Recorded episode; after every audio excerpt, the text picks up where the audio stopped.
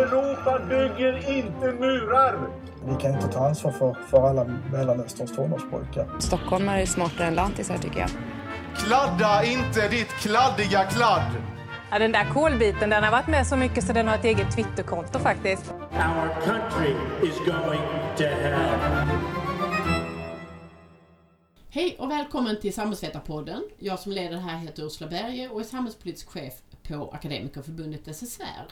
Idag tänkte jag att vi skulle prata om en väldigt aktuell fråga. Det handlar om hur normaliseringen av högerpopulistiska åsikter och extremåsikter um, um, ökar i, i eh, Sverige och i andra länder men också hur vad vi ser och hur auktoritära regimer växer fram och hur det har skett eh, historiskt. Och med mig och hjälpa till att diskutera det här har jag Ulf Bjereld, eh, professor i statsvetenskap från Göteborg. Välkommen Ulf! Tack så mycket!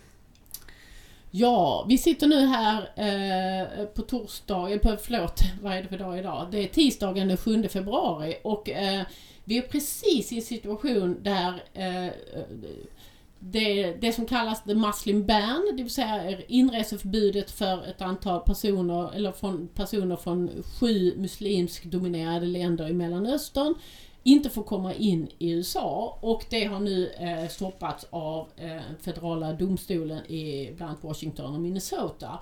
Och eh, det kommer nu att gå upp i en appellationsdomstol de närmaste dagarna. Precis där är vi nu. Vi vet inte hur det går i appellationsdomstolen. Men det här är ju ett väldigt intressant fenomen och det tänkte jag diskutera med dig Ulf.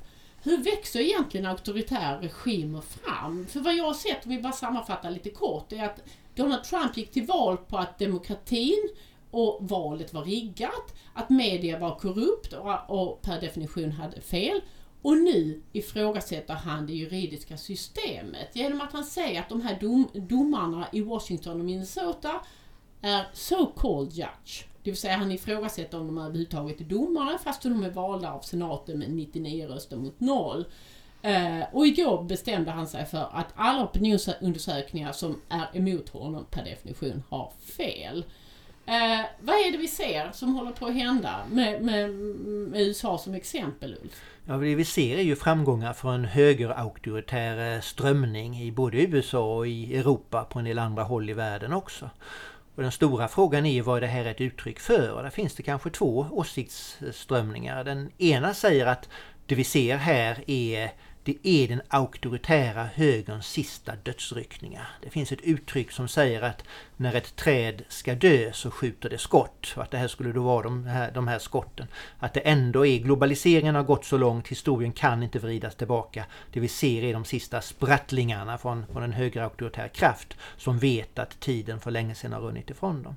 Det är en tolkning. Den andra tolkningen är ju att vi ser en form av kontrarevolution så att säga från 1789 som var frihetens eh, och jämlikhetens ehm, eh, eh, tidevarv till, till en, en, en väldigt kraftfull reaktion som, som nu kommer. Och vi vet ju inte vilken av de här två tolkningarna som är riktig och förmodligen är det så att den frågan avgör vi själva genom politisk kamp och, och politiskt arbete.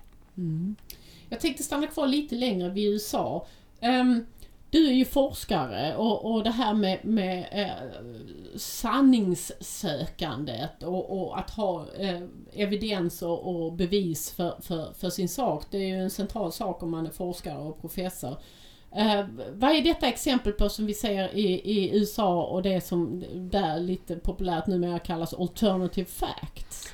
Ja, alltså det är ju skulle kanske lyfta fram eh, tre spår då den här högerpopulistiska auktoritära strömningen i USA tar sig uttryck i. Det ena är ju då attacker på, på eh, rättsstaten så att säga. Som, som du själv sa, på, på domarna, på domstolarna och på, på lagen och, och så vidare. Så det, man går på rättsstaten som ju är en grundbult i varje demokrati. Man går sig på medierna i förlängningen på yttrandefriheten. Och en fri press är ju också en grundbult i demokratin. Och det tredje är då forskningen där man talar om eh, eh ja, uttalar sig om, om miljöforskning och på ett sådant sätt så att man Eh, känner sig nästan förflyttad till George Orwells 1984 där det som är osant blir det sanna etc. Hur kan man göra det? Jo, det kan man göra därför att man har en väldigt auktoritär syn på, på folket. Det är alltid folket som har rätt oavsett alla andra fakta. Och betona att jag använder ordet folket i singularis. Det finns bara ett folk, folket. Man kan inte säga att det finns olika åsikter i folket eller att folket har olika uppfattningar. Utan folket är ett, det är en väldigt monolitisk världsbild. Och utifrån den så blir det då en ändamålslogik där både medierna, rättsstaten och forskningen kan få stryka på foten för att folket med stort F ska få som det vill. Och det är då det politiska ledarskapet med Trump själv som avgör vad som är folkets vilja. Nu är USA och Sverige väldigt olika länder, har väldigt olika tilltro till olika institutioner och så vidare. Men de här eh, attackerna i USA på olika eh, institutioner som till exempel de demokratiska institutionerna som det juridiska systemet. I alla fall i Sverige är ju detta några av de institutioner som har absolut mest tillit i folket. Eh, och eh, eh kombinerat med då forskarsamhället, det vill säga vetenskapen. Det är otroligt tunga institutioner som i alla fall i USA är extremt utsatta just nu under den här eh, regeringen. Vad leder det till att, att tilliten för de tyngsta institutionerna eh, ifrågasätts? Ja, det blir ju en kraftmätning för om eh, antingen så kommer ju tilliten vara så stark för de här institutionerna att attackerna på dem faller på hälleberget om man säger så. De kommer inte få något resultat. Det blir en, en eh, negativ strategi för de som ger sig på de här institutionerna. För de, tilliten till dem är så stark så att det, det blir inte trovärdigt när man attackerar dem. Det andra, som i mitt perspektiv mer negativa utfallet, är ju att tilliten till de här institutionerna mals ner och urholkas. Inte för att institutionerna har ändrat sitt beteende men för att eh, kampanjen mot dem blir, blir så stark. Och Det är ju en, en politisk kraftmätning får man säga. Men man kan väl också konstatera att mycket av det Trump gör i USA har inte riktigt fått fäste i den svenska högerpopulismen. Ja, visst, om vi håller oss till Sverigedemokraterna, de klagar på medierna och eh, kanske lite tveksamma i klimatforskning och så vidare. Men de har ju inte alls gjort samma stora sak utav detta som Trump har gjort i USA. Så vi har ännu så länge inte sett någon Trump-effekt i den svenska politiska debatten. Mm. Och om man tittar på Donald Trump och så de personer som han nu omger sig om så kan man ju ha olika reflektioner. Eh, det, det har ju varit en stor diskussion nu här och, och senaten håller på och, och ehm, förhala valet av Betsy DeVos som, som eh, stats, eh, minister med ansvar för utbildningsfrågor i form av, av att de filibustrar. Eh, men om vi bortser från det så, så eh, ett intressant fenomen vi ska diskutera högerpopulismen och hur, hur ganska extrema högerpopulistiska åsikter kommer in i politiken. Så har ju Trump valt som sin chefstrateg Steve Bannon. Och Steve Bannon han, han eh, ledde ju, ligger ganska nära vit maktrörelsen och, och ledde den här nyhetssajten, högerpopulistiska eller högerextrema som heter Breitbart. Och han är nu chefstrateg. Han valdes alldeles eh, nyligen in i nationella säkerhetsrådet, vilket ju, ju eh, ja, man kan ju kalla det normalisering av högerextrema åsikter. Att han, det sitter en sån person i nationella säkerhetsrådet. Hur tänker du runt det? Ja, det är ju exceptionellt och eh, det som förvånade med Trump var ju att han faktiskt också genomförde och försöker genomföra det han gick till val på. Många trodde ju att han inte skulle göra detta, att systemet skulle vara för starkt. Det vet vi inte, det pågår ju nu en kraftmätning. Men också att detta kanske var retorik för att bli vald och att inte till och med hans trogna väljare eh, insåg att han inte skulle göra detta, att det här mer var ett, ett, en symbolpolitik mot makten. Ändå så går han nu på och genomför detta, eller försöker i alla fall genomföra detta. Och här får ju den amerikanska maktdelningssystemet verkligen bekänna färg. Kommer en president som går på som Trump gör och kunna få igenom sin politik? Eller är spärrarna i systemet, både genom kongressen men i det här fallet framförallt rättssystemet och domstolarna, tillräckligt starka för att utgöra en motkraft? Så det blir en prövning, inte bara för den amerikanska demokratin utan också för den västerländska demokratin överhuvudtaget. Och den ser vi redan spår av i Sverige, den debatten. för det här med maktdelningen i USA. I Sverige har vi ju inte maktdelning på samma sätt. Vi har mycket politiskt svagare domstolar och regeringsmakten är då, är då starkare i förhållande till, till, till domstolsväsendet. Men så sent som idag så läste jag en artikel, jag tror det var på var det Dagens Nyheters huvudledare till och med, som lyfter fram behovet av att överväga en ny författningsdomstol och, och, så vidare i Sverige. Och jag känner själv att jag har alltid varit skeptisk till en författningsdomstol. Men när jag ser de politiska krafter mot demokratin som nu släpps lösa i USA så känner jag att man kanske skulle öppna luckorna för en diskussion om en författningsdomstol eller andra sätt att stärka rättsväsendet i Sverige för att värna demokratin. Mm. Ja, och i USA har vi ju, de är väldigt präglade av Montesquieus maktdelningsprincip och vi som är statsvetare känner ju att vi kanske läste den där boken bättre än vad Donald Trump gjorde. Men precis som du säger, eh, det är ju en helt annan ordning i Sverige och vi har istället valt att ge Ja, de senaste ändringarna i detta avseende var ju bland annat att stärka konstitutionsutskottets ställning eh, på olika sätt. Men vi har ju en annan ordning och, och det kan man ju relativ, fundera runt om, om det här med att författningsdomstol är en diskussion som skulle lyftas upp igen. Men jag tänkte vi skulle ta in på det här med Eh, normaliseringen av extremåsikter i politiken och, och, vi är ju på en annan nivå och en annan planhalva kanske men, men det händer ju ändå ganska någonting ganska dramatiskt den senaste veckan när Anna Kinberg Batra öppnade så tydligt dörren till Sverigedemokraterna och, och var beredd att börja prata med dem i alla fall i utskotten. Eh, är detta en normalisering?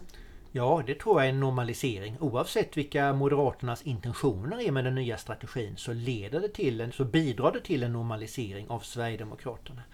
De fyra allianspartierna i Sverige har ju varit unika i en europeisk kontext genom att så konsekvent hålla Sverigedemokraterna som högerpopulistiskt parti utanför det politiska samtalet.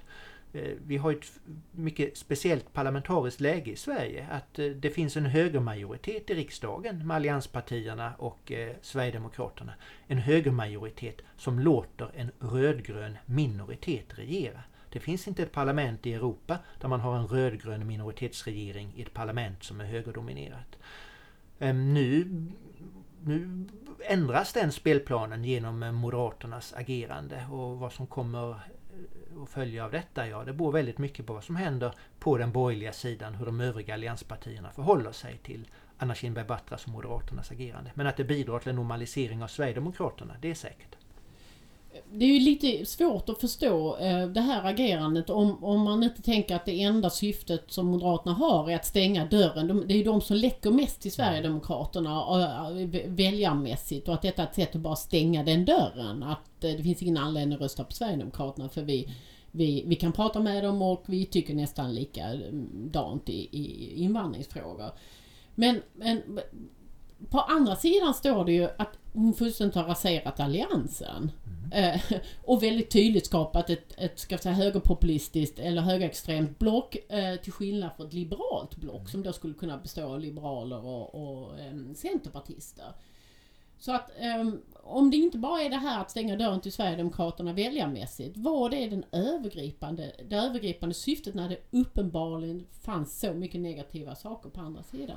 Jag tror att de interna förhållandena i Moderaterna har spelat en väldigt viktig roll. Anna Kinberg Batra har varit utsatt för en väldigt stark eh, press både internt, inte minst från Moderaterna ute i, i landet, så att säga från kommunfolket, att eh, göra någonting. Och även jag tror jag det har funnits en press från eh, näringslivet att, eh, att eh, hallå det där med Sverigedemokraterna är väl inte så, så allvarligt egentligen. I alla fall delar av, av, av näringslivet som tycker att Sverige ska ha en stark regering. Om det då får bli till priset av att man bryter pajastämpeln på Sverigedemokraterna så må, må det vara hänt. Så jag tror att för att förstå det här moderata agerandet så måste man titta väldigt mycket på förhållandena internt i, i, i Moderaterna. Och detta tror jag är ett sätt för Anna Kinberg Batra att försöka Eh, behålla, en, behålla greppet om sitt parti så att säga. Det, hon, eh, hon, man brukar säga att en partiledares viktigaste uppgift, ja det kan man säga att vinna val men det gör man sällan på en partiledare. Utan partiledarens viktigaste uppgift är att hålla samman sitt parti. Och jag tror att det var en väldigt viktig faktor för att förstå och förklara Anna Kinberg Batras agerande. Eh, dog de sista resterna av decemberöverenskommelsen med det här agerandet? Ja, det har ju hittills mest varit ord från Moderaternas sida att man ska börja samtala med, med Sverigedemokraterna. Men frågan är ju hur mycket samtal det blir. För det som även, även hennes allianskamrater undrar ju lite vad det här egentligen betyder.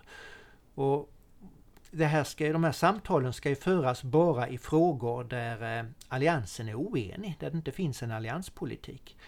Och om då Moderaterna går och gör upp med Sverigedemokraterna i sådana frågor, ja vad händer sen? Man har ändå inte majoritet i riksdagen för en eh, förslag som kommer bara från Sverigedemokraterna och Moderaterna. Utan som någon bedömare sa, där tar logiken slut. Vad, vad händer sen?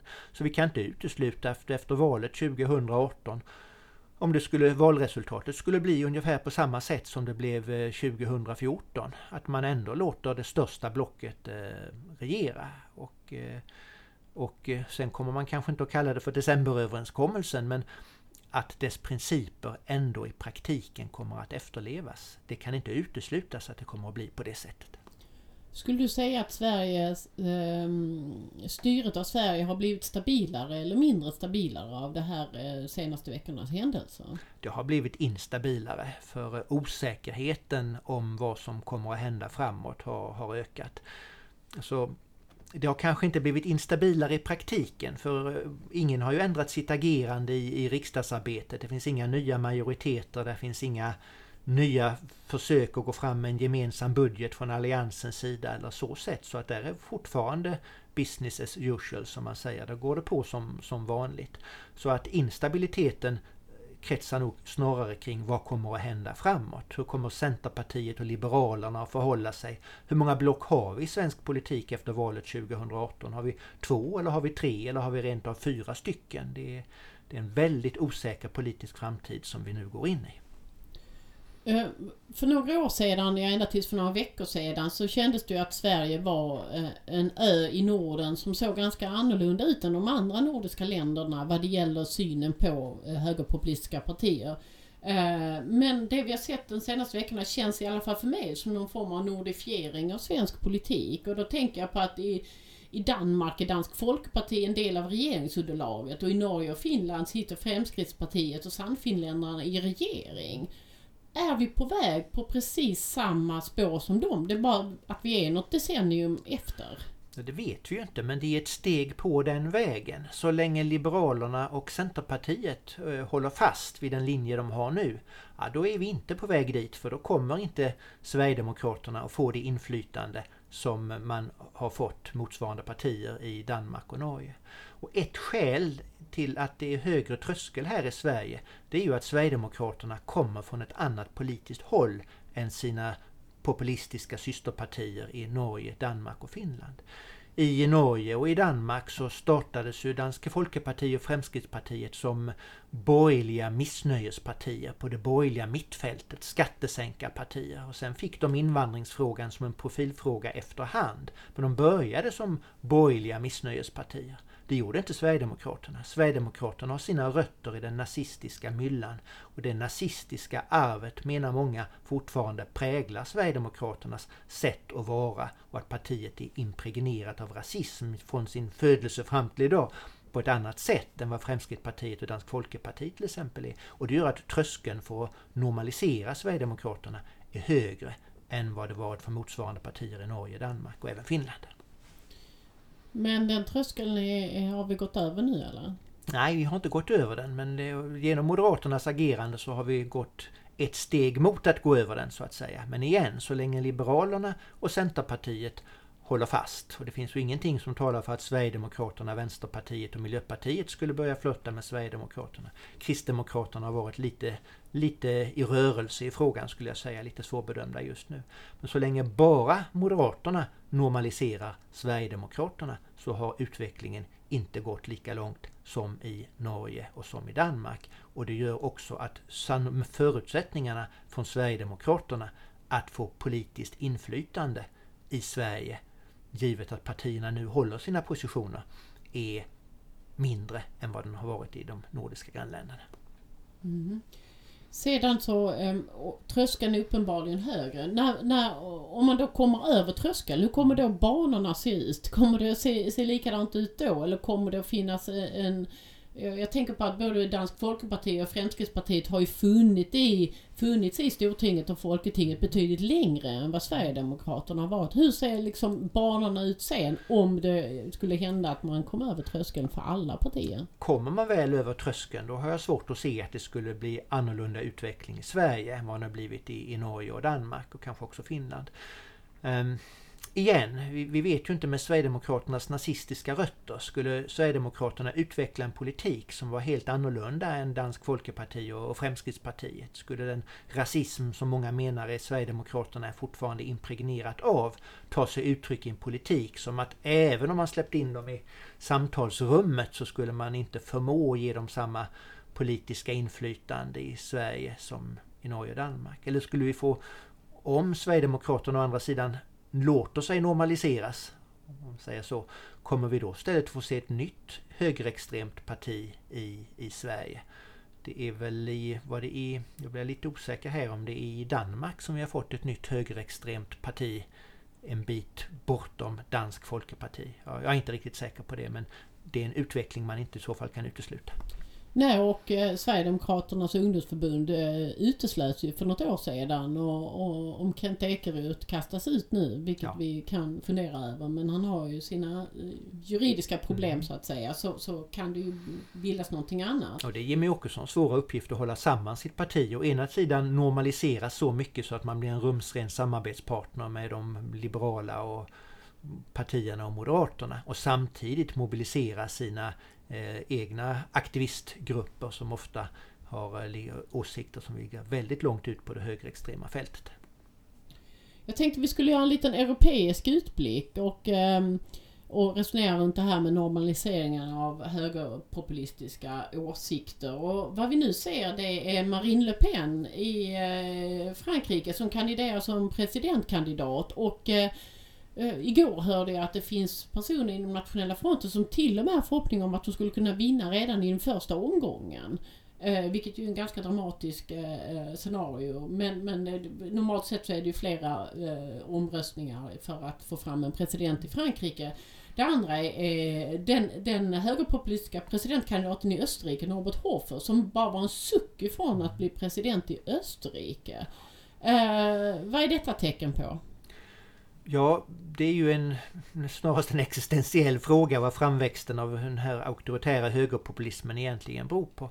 Eh, min favoritförklaring är att vi lever i en globaliserad tid där väldigt mycket makt har flyttats ut från de nationella parlamenten till eh, överstatliga organisationer som EU men även till eh, finanskapitalet och, så vidare. Man kan tycka vad man vill om det men det innebär att det blir väldigt mycket svårare för den enskilde medborgaren att utkräva politiskt ansvar.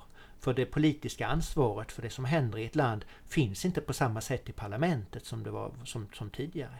Ekonomin är helt globaliserad, politiken är fortfarande inom nationalstatens eh, relativt stängda gränser. Och det skapar en frustration, en maktlöshet. Vem, vem ska man vända sig till för, för, för att utkräva det här politiska ansvaret. Därför tycker jag att man egentligen borde tillsätta en ny maktutredning eller motsvarande för att försöka få, få, få bukt med, med detta. Men det, det är vad jag tror. Jag tror att det är just urholkningen av makt på de nationella scenen utan att det har skapats en internationell ordning som är demokratisk. Och att den, det glappet skapar en politisk frustration som högerpopulistiska partier kan profitera på.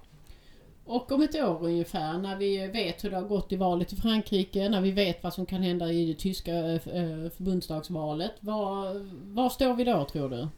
Ja, man vill ju vara optimist och man vill säga att vi har sett toppen på, på, på detta. Att det kan återgå till att eh, bygga samhällen byggda på de liberala värdena om frihet och, och, och jämlikhet. Men eh, jag är inte alls säker på att vi har sett eh, toppen på, på denna vågen än. Jag tror inte att Le Pen kommer att vinna det, det, det, franska valet. Men hur kommer det gå i Storbritannien när Storbritannien nu lämnar EU? Och kommer EU att falla sönder? Vad händer med staterna i Östeuropa om de istället eh, vänder sig österut mot, mot, mot Ryssland och ser Ryssland som ett föredöme hur man bygger sina samhällen?